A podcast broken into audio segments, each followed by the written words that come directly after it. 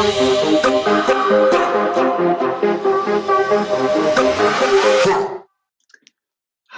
og velkommen til eh, denne lille lydfilen som jeg har implementert på bloggen min i forbindelse med en nybegynners guide til e-postmarkedsføring med lyd, som du hører nå.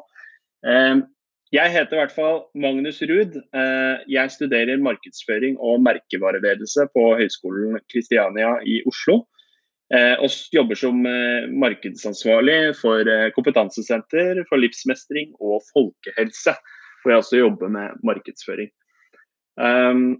Og denne gangen så har jeg valgt å spille inn en lydfil rundt det blogginnlegget som jeg har postet. Og nå skal du få høre det.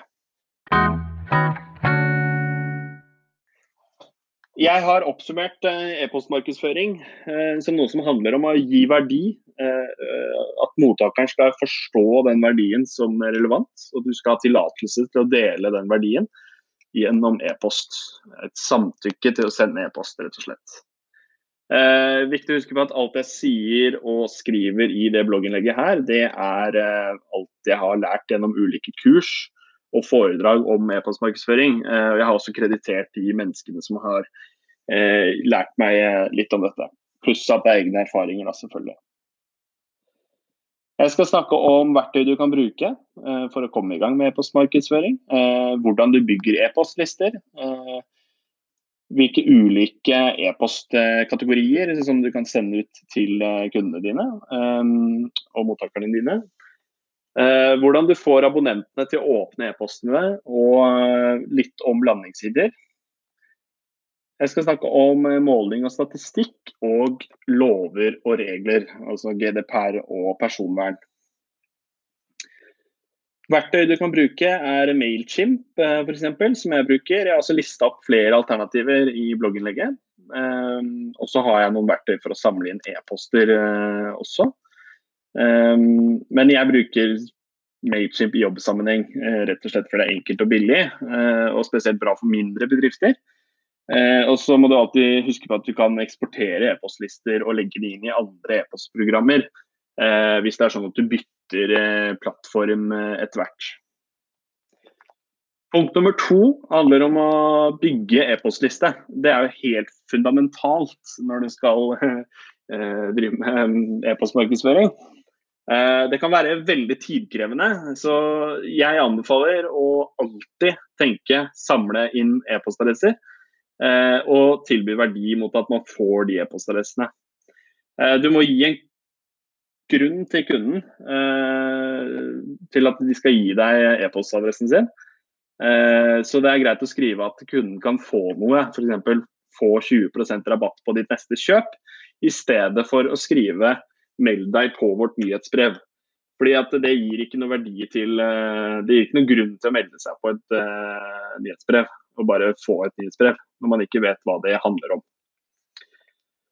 Du kan også starte en konkurranse, f.eks. på Facebook, hvor du mot, uh, mot uh, e-postadresser så kan da kundene melde seg på en konkurranse og være med i trekningen av noe du tilbyr da, som de kan vinne. Eh, en annen ting, gjør det så enkelt som eh, overhodet mulig å melde seg på. Eh, du kan jo velge å be om navn og e-post og telefonnummer, adresse osv. Men jo færre punkter du har som kunden må fylle inn, jo høyere konverteringsrate er det, sånn jeg har forstått det.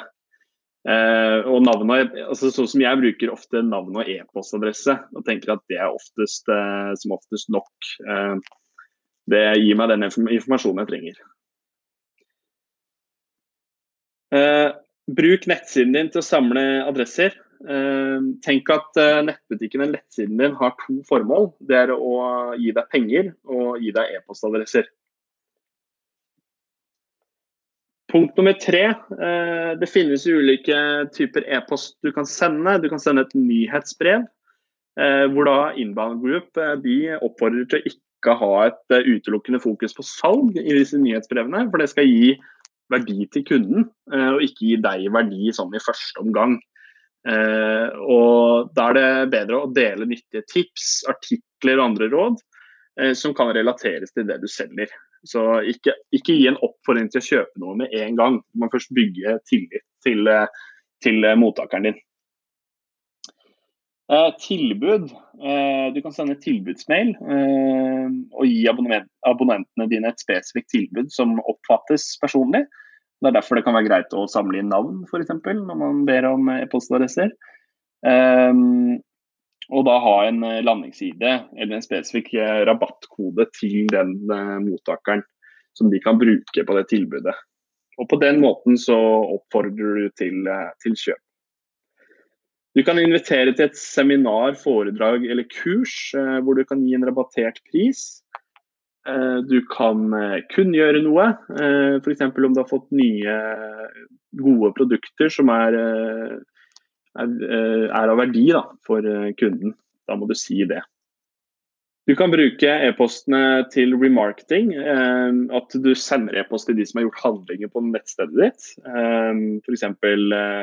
Eh, noen som har fylt opp handlekurven og forlatt den slik. Eller tilby andre lignende produkter eller tjenester i etterkant av at de har handla.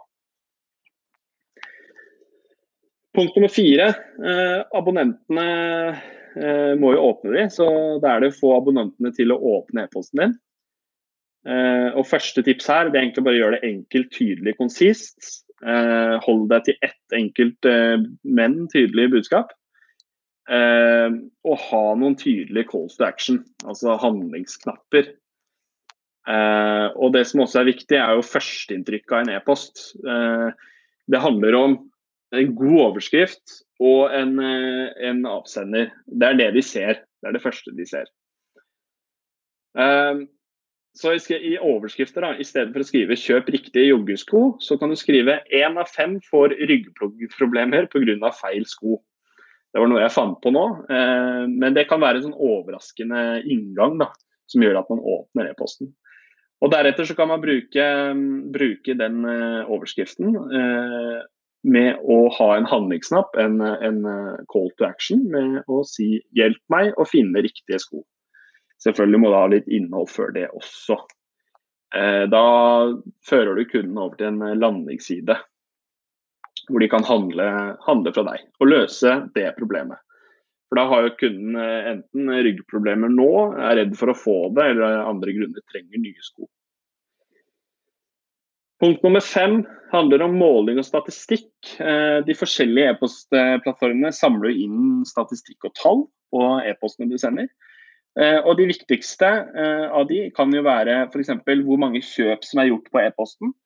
Hvor mange prosent som har åpnet den e-posten, og hvor mange prosent av de som åpnet e-posten har klikket på calls to actions, altså handlingsknappene dine. På bakgrunn av den statistikken så kan du A-B-teste e-postene du sender. Altså teste ulike typer overskrifter, teste forskjellige tidspunkt og teste forskjellige dager. Punkt nummer seks handler om lover og regler. Det kommer vi ikke unna. Eh, det handler om GDPR og personvern. Det er noe man bare må kunne og, og bruke det. Eh, og stikkordet her er samtykke. For De viktigste punktene jeg har satt opp her, det er jo at når du samler inn e-poster, så må du alltid linke til en personvernerklæring. Der er jeg også linka til et eksempel i blogginnlegget. Uh, og du må spesifisere at du gis tillatelse til å sende e-post til den som abonnerer, og lagrer den informasjonen som abonnenten gir om seg selv. Og kunden skal også enkelt kunne melde seg av nyhetsbrevet ditt, ehm, og da gjerne med en knapp eh, i mailene du sender. Da takker jeg for at du hørte på dette her. Eh, jeg eh, syns det var litt moro å spille det inn. Det kommer jeg kanskje til å fortsette å gjøre. Så med, med senere blogginnlegg og kanskje andre temaer. Eh, og så er det bare å ta kontakt hvis det er noe, eller noe du tenker at jeg har gjort feil, eller noe du tenker at jeg har gjort bra. Så ja. Ha det bra.